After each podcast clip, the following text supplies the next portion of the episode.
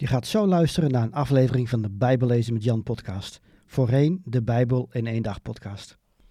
De genoemde links in deze uitzending kunnen verouderd zijn. Kijk op bijbellezenmetjan.nl of in de omschrijving van deze aflevering voor meer informatie over hoe ik mensen en kerken kan helpen met het lezen, begrijpen en geloven van de Bijbel. Welkom bij de Bijbel in één dag podcast. Mijn naam is Jan Heijnen. Ik ben auteur van het boek De Bijbel in één dag. Ik geloof dat de Bijbel Gods woord is en dat we allemaal deel uitmaken van zijn verhaal. De Bijbel is ook een vreemd boek soms. Ik help christenen de Bijbel te lezen, te begrijpen en te geloven. Op de Bijbel kun je het e-book De Bijbel in één dag gratis downloaden. Ook kun je de paperback bestellen of je inschrijven voor een van mijn cursussen of seminars. Oké, laten we met de aflevering beginnen. zeggen dat Jezus op elke pagina van de Bijbel te vinden is. Nou, ik zie hem niet in het Oude Testament. Dit mailde een lezer mij onlangs. En ze heeft gelijk. De Bijbel is een lastig en vreemd boek soms. Vooral het Oude Testament. Wat kunnen wij christenen uit de 21e eeuw hier vandaag de dag nog mee? Nou, heel veel. Als we maar leren om Gods woord te lezen in het licht van Jezus. Daarom heb ik het boek geschreven, Jezus in het Oude Testament. Dit boek helpt je Jezus ontdekken in de schepping, in de levens van mensen als Adam, Eva, Noach, Abraham en een aantal anderen, in de uittocht uit Egypte en nog veel meer. Ik hoop dat dit boek helpt om Bijbellezen leuker en makkelijker te maken.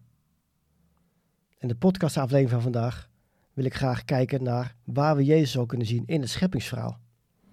En we beginnen met een citaat uit het boek dat is geschreven door C.S. Lewis, het neefje van de tovenaar, wat een van de delen van de kronieken van Narnia is. En het citaat begint met deze woorden. Eindelijk begon er in het donker iets te gebeuren. Een stem was begonnen te zingen. Het zingen kwam van heel ver weg. En Diggory kon moeilijk uitmaken van welke kant het kwam. Soms leek het wel van alle kanten tegelijk te komen. Dan weer had hij het idee dat het uit de grond onder hun voeten kwam. De laagste noten waren zo diep dat ze wel de stem van de aarde zelf zouden kunnen zijn. Er waren geen woorden bij. Er was zelfs bijna geen melodie. Maar het was verreweg het mooiste wat hij ooit had gehoord. Toen gebeurden er twee bijzondere dingen tegelijk. Het ene was dat er opeens andere stemmen begonnen mee te zingen. Meer stemmen dan je ooit tellen kon. Ze klonken heel mooi bij de eerste stem, maar waren veel hoger, koele, tinkelende, zilverige stemmen.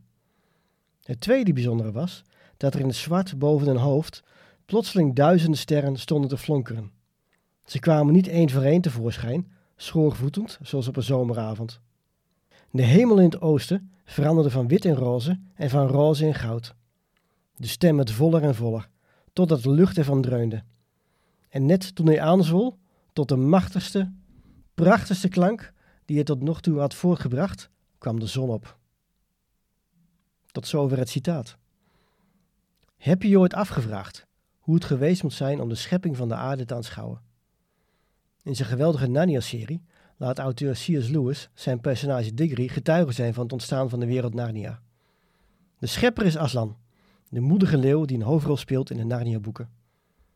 Het zijn de woorden van Aslan die de sterren een plek geven en de hemel zijn kleur. Hij is een leeuw, maar brult niet met de brute kracht van een wild dier. Nee, Aslan zingt. En wat er zingt, gebeurt. Beter nog, ontstaat. Eerst was het er niet, maar dan verschijnt het. Majestueuze bergen, grote oceanen, zandvlaktes en jungles, vissen en vogels. Reusachtige landdieren als olifanten en giraffen en ook insecten als kevers en mieren. Als het lied uit is, kijkt Aslan neer op wat hij zojuist tot leven heeft gezongen. En hij ziet dat het goed is. Erg goed. In de Narnia-chronieken staat Aslan symbool voor God of voor Christus. Hij redt de wereld die hij zelf schiep door zijn leven te geven. De link tussen de schepper van Narnia en de verlosser van Narnia is duidelijk. Het is Aslan. Hij creëert en hij redt. Dit is ook de boodschap van de Bijbel. God is zowel de maker van het universum als de redder ervan. Wij zien die reddende God in Jezus Christus. Wie de Bijbel minder goed kent, heeft het gevoel dat Jezus pas na ongeveer twee derde van het verhaal op het toneel verschijnt. Pas aan het begin van het Nieuwe Testament wordt hij geboren. Later trekt hij enkele jaren rond waarin hij onderwijs geeft en wonderen doet. En vervolgens laat hij zichzelf kruisigen als een misdadiger, hoewel hij zonder zonde is. Hij draagt de straf van de mensen en redt hen. Iedereen die in hem gelooft, blijft behouden. Maar als Christus de held in het verhaal is, waarom verschijnt hij dan zo laat in de Bijbel? Kan het zijn dat Jezus al vanaf het begin betrokken was bij Gods plan met de mensheid? Hij was er natuurlijk al vanaf het begin bij. Maar waar was hij dan? Met Narnia in ons achterhoofd zouden we kunnen zeggen: als Aslan de scheppende God is in dit verhaal, dan is Jezus zij niet. De Bijbel begint met deze twee versen. In het begin schiep God de hemel en de aarde. De aarde was nog woest en doods. En duisternis lag over de oervloed. Maar Gods geest zweefde over het water. Deze eerste twee versen vertellen al direct zoveel. Het gaat er niet om of er een oerknal was, of dat alles is geschapen in zes dagen of niet. Daar kun je heel veel over zeggen en over argumenteren. Maar Genesis is niet geschreven om mensen in de 21e eeuw te vertellen hoe alles wetenschappelijk is ontstaan. Nee, hier aan het begin van de Bijbel stelt God zich voor. In de eerste plaats aan Mozes en de Israëlieten die hij heeft bevrijd uit Egypte. Mozes is namelijk de schrijver van Genesis en heeft de verhalen in dit boek uit de mond van God gehoord. Het volk Israël was 400 jaar slaaf geweest in Egypte. Daar waren ze gehersenspoeld door de Egyptische cultuur die in het teken stond van afgoderij. In een ander hoofdstuk uit mijn boek kom ik hier uitgebreid op terug. Het punt is dat de eerste mensen die van God hoorden over de schepping, over Adam en Eva en over Noach en Abraham, God eigenlijk niet goed kenden. Ze kenden wellicht alleen wat verhalen over Abraham, Isaac, Jacob en zijn twaalf zonen. En verder hadden ze God aan het werk gezien toen hij zijn plagen uitstortte over Egypte en het leger van de farao liet verdrinken in de Rietzee. Toen de Israëlieten uit Egypte vertrokken, moeten de Israëlieten zich hebben afgevraagd wie deze God nu eigenlijk was. Wat wilde hij van hen? En daarom stelt God zich aan hen voor in Genesis 1. Niet alleen aan hen, ook aan ons. Wij hebben wel een voordeel.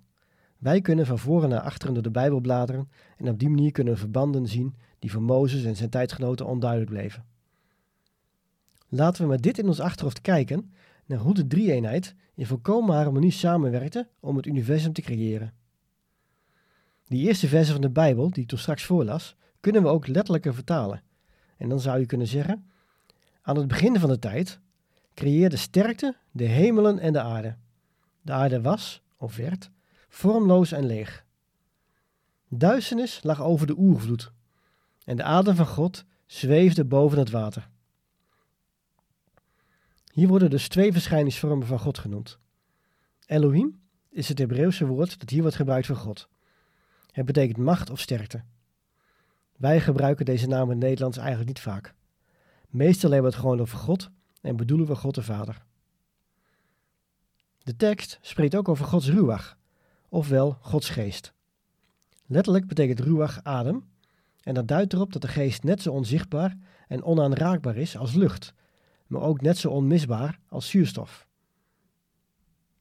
In deze eerste regels van de Bijbel komt God steeds dichterbij. Elohim creëert van grote afstand, zo lijkt het. Op een gegeven moment is de aarde er wel, maar alles is bedekt door een dikke laag water. Dan wordt onze blik getrokken naar Gods geest. Die zweeft boven de duistere vloed, zoals een valk boven haar nest vliegt. Plotseling is God dus niet meer ver weg, maar dichtbij.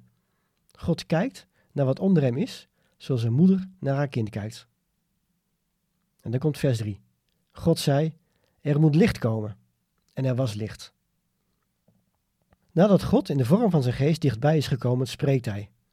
Door de woorden brengt hij licht in zijn schepping. In Genesis 1 staat simpelweg God zei. Dat houdt in dat hij woorden gebruikt. Het woord woord komt in deze tekst niet letterlijk voor. De Bijbel had echter ook kunnen zeggen: Gods woord creëerde. Het Hebreeuwse woord voor woord is dabar. Dabar wordt op andere plaatsen in de Bijbel wel genoemd, zoals bijvoorbeeld Genesis 15, vers 1 en vers 4. Jezus is Gods dabar, zijn woord. Elk scheppend woord dat God dus spreekt, is Jezus. Zoals Aslan Narnia laat ontstaan door een kunstig lied, zo maakt God met zijn woord alles wat bestaat. De apostel Johannes zegt hierover in zijn evangelie: In het begin was het woord. Het woord was bij God en het woord was God. Het was in het begin bij God. Alles is erdoor ontstaan. En zonder dit is niets ontstaan van wat bestaat. Het is bijna alsof Johannes zijn lezers mee terugneemt naar die allereerste woorden in Genesis en zegt: Weet je nog hoe God onze wereld heeft gemaakt? Hoe hij alles met zijn woord liet ontstaan en zijn plek gaf? Hij benoemde het en het was er. Nou, dat woord, dat was Jezus. Hij was er aan het begin en hij was bij God. Bedenk niet dat hij gemaakt is door God. Nee, Jezus is geen schepsel zoals wij. Hij was God. Alles wat je kunt waarnemen is ontstaan door hem. En zonder hem is niets ontstaan van wat bestaat. Dus niet alleen God de Vader en God de Geest zijn verantwoordelijk voor de creatie van alles wat er is. Jezus was erbij en speelde een cruciale rol.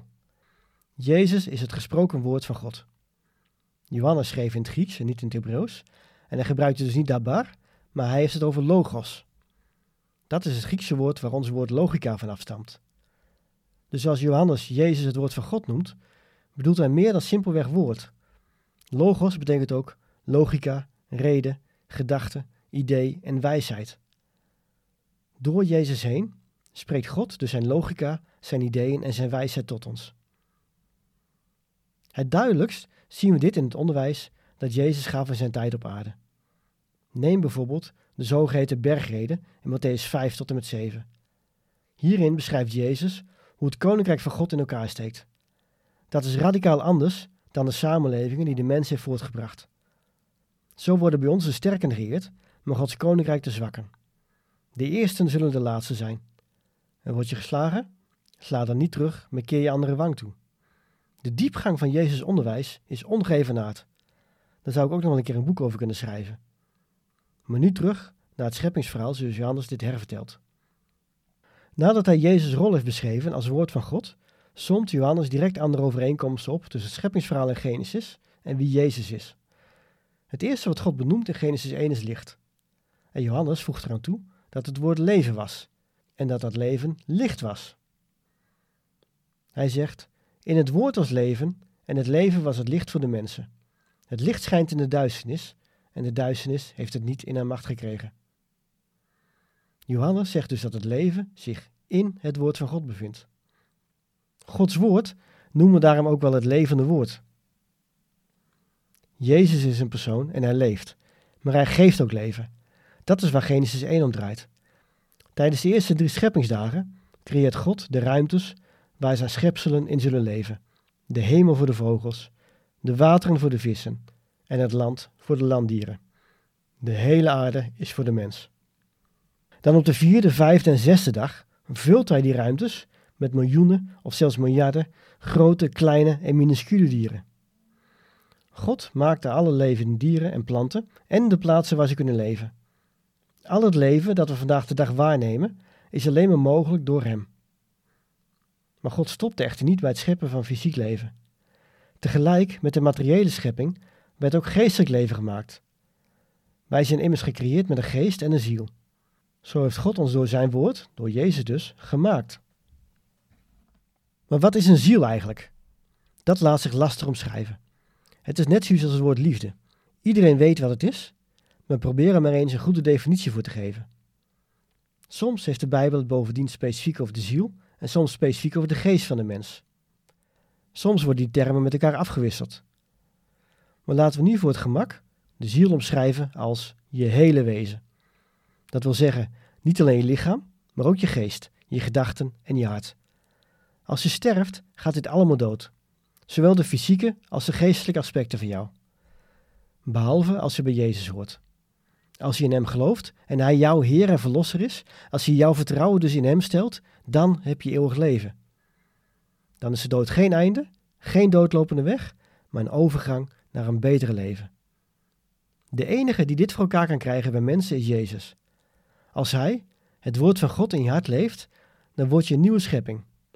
Zoals Paulus schrijft in zijn brief aan de Corinthiërs, in de tweede brief. Daarom ook is iemand die één met Christus is, een nieuwe schepping. Het oude is voorbij, het nieuwe is gekomen. Dit alles is het werk van God. In zekere zin stopt het scheppende werk van God nooit. Iedere dag zijn er mensen die hun leven aan Hem geven. En vanaf dat moment zijn zij een nieuwe schepping. Zijn ze dan volmaakt? Nee, dat nog niet. Maar wel goed. Ik kom daar later nog een keer op terug. Laten we eerst nog even verder kijken naar de schepping door de ogen van Johannes. Hij gaat namelijk verder nadat hij het woord van God levend heeft genoemd. Hij zegt dat het leven zorgt voor licht. Dat is opvallend, omdat in Genesis 1 licht het eerste is wat God een plek geeft in zijn schepping. Dat licht verjoegt de duisternis die al aanwezig was. Daar zit een veel diepere betekenis in, maakt Johannes ons duidelijk. Als ik Genesis onbevangen lees, komen er allerlei 21e-eeuwse vragen in me op. Ik vraag me af of God de oerkanaal heeft gebruikt om het universum te creëren. Hoe het kan dat God eerst licht schept en daarna pas de zon in de hemel zet. Maar dat is niet waar het scheppingsverhaal om draait. We moeten het scheppingsverhaal met geestelijke ogen bekijken, laat Johannes zien. Aan het begin van de Bijbel maakte God licht. Het licht is in zekere zin een vijand van de duisternis. Duisternis vlucht voor licht. Want al is het nog zo donker, je hoeft maar een lucifer aan te steken en je ziet dat licht. Het duisternis heeft de vlam wel omsingeld, maar het kan hem niet aanraken. Laat staan doven. Toen Jezus naar de aarde kwam als mens, was het alsof God opnieuw het licht scheidde van de duisternis. Niet voor niets noemt Jezus zichzelf het licht van de wereld. Maar dit keer gaat het niet om fysiek licht dat je met je ogen kunt waarnemen. Oneerbiedig gezegd, Jezus was geen lantaarnpaal. Het was in zijn tijd op aarde niet zo dat je geen olielamp mee hoefde te nemen als je achter hem aan een donker steegje liep. Jezus was en is een geestelijk licht. Als al het kwaad in deze wereld duisternis is, dan is Jezus het licht dat de duisternis verjaagt. Wat God letterlijk deed in het begin, door fysiek licht te scheiden van donker, doet Jezus dus geestelijk. Plat gezegd, maakt hij slechte mensen goed.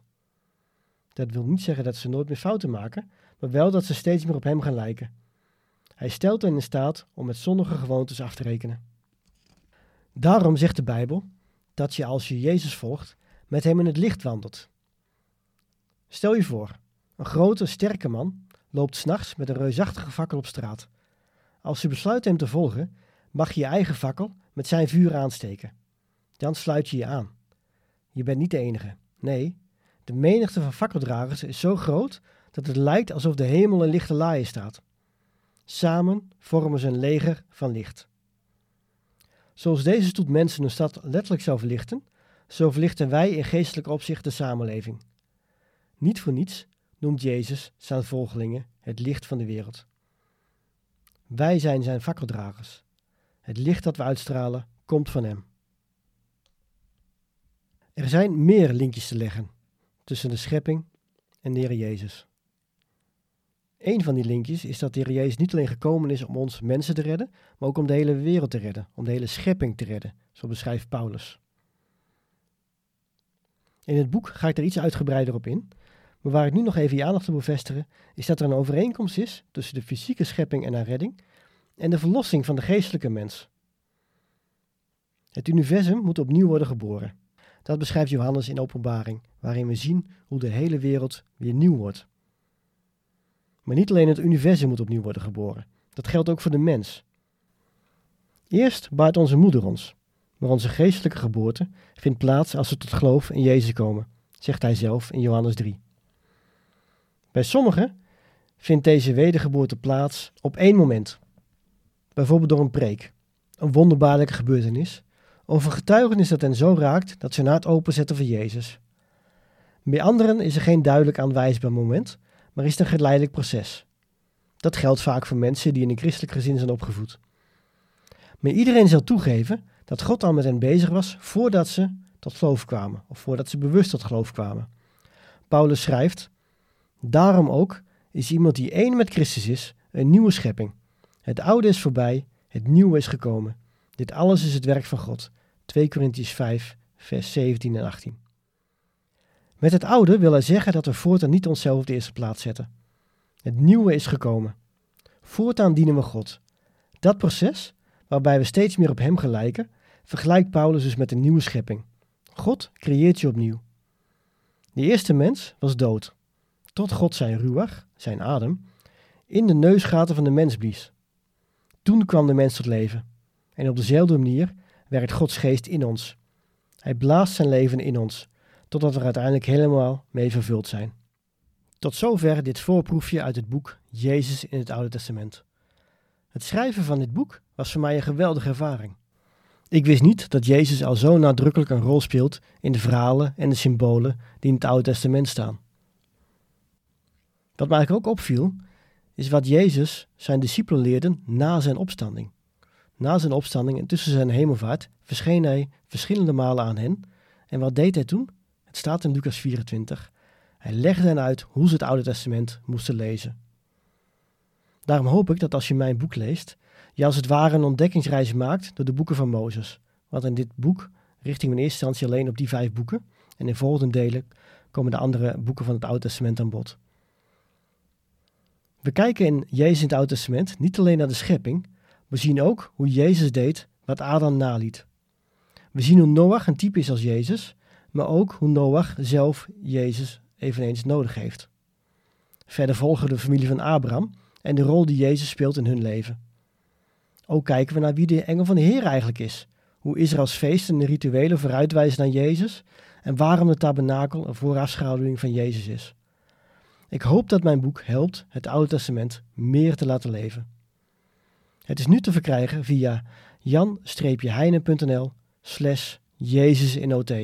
Heinen is met E lange I en Jezus in OT is één woord. Dus jan-heinen.nl slash Jezus in OT. En ik zal ook deze link opnemen in de beschrijving van deze podcastaflevering.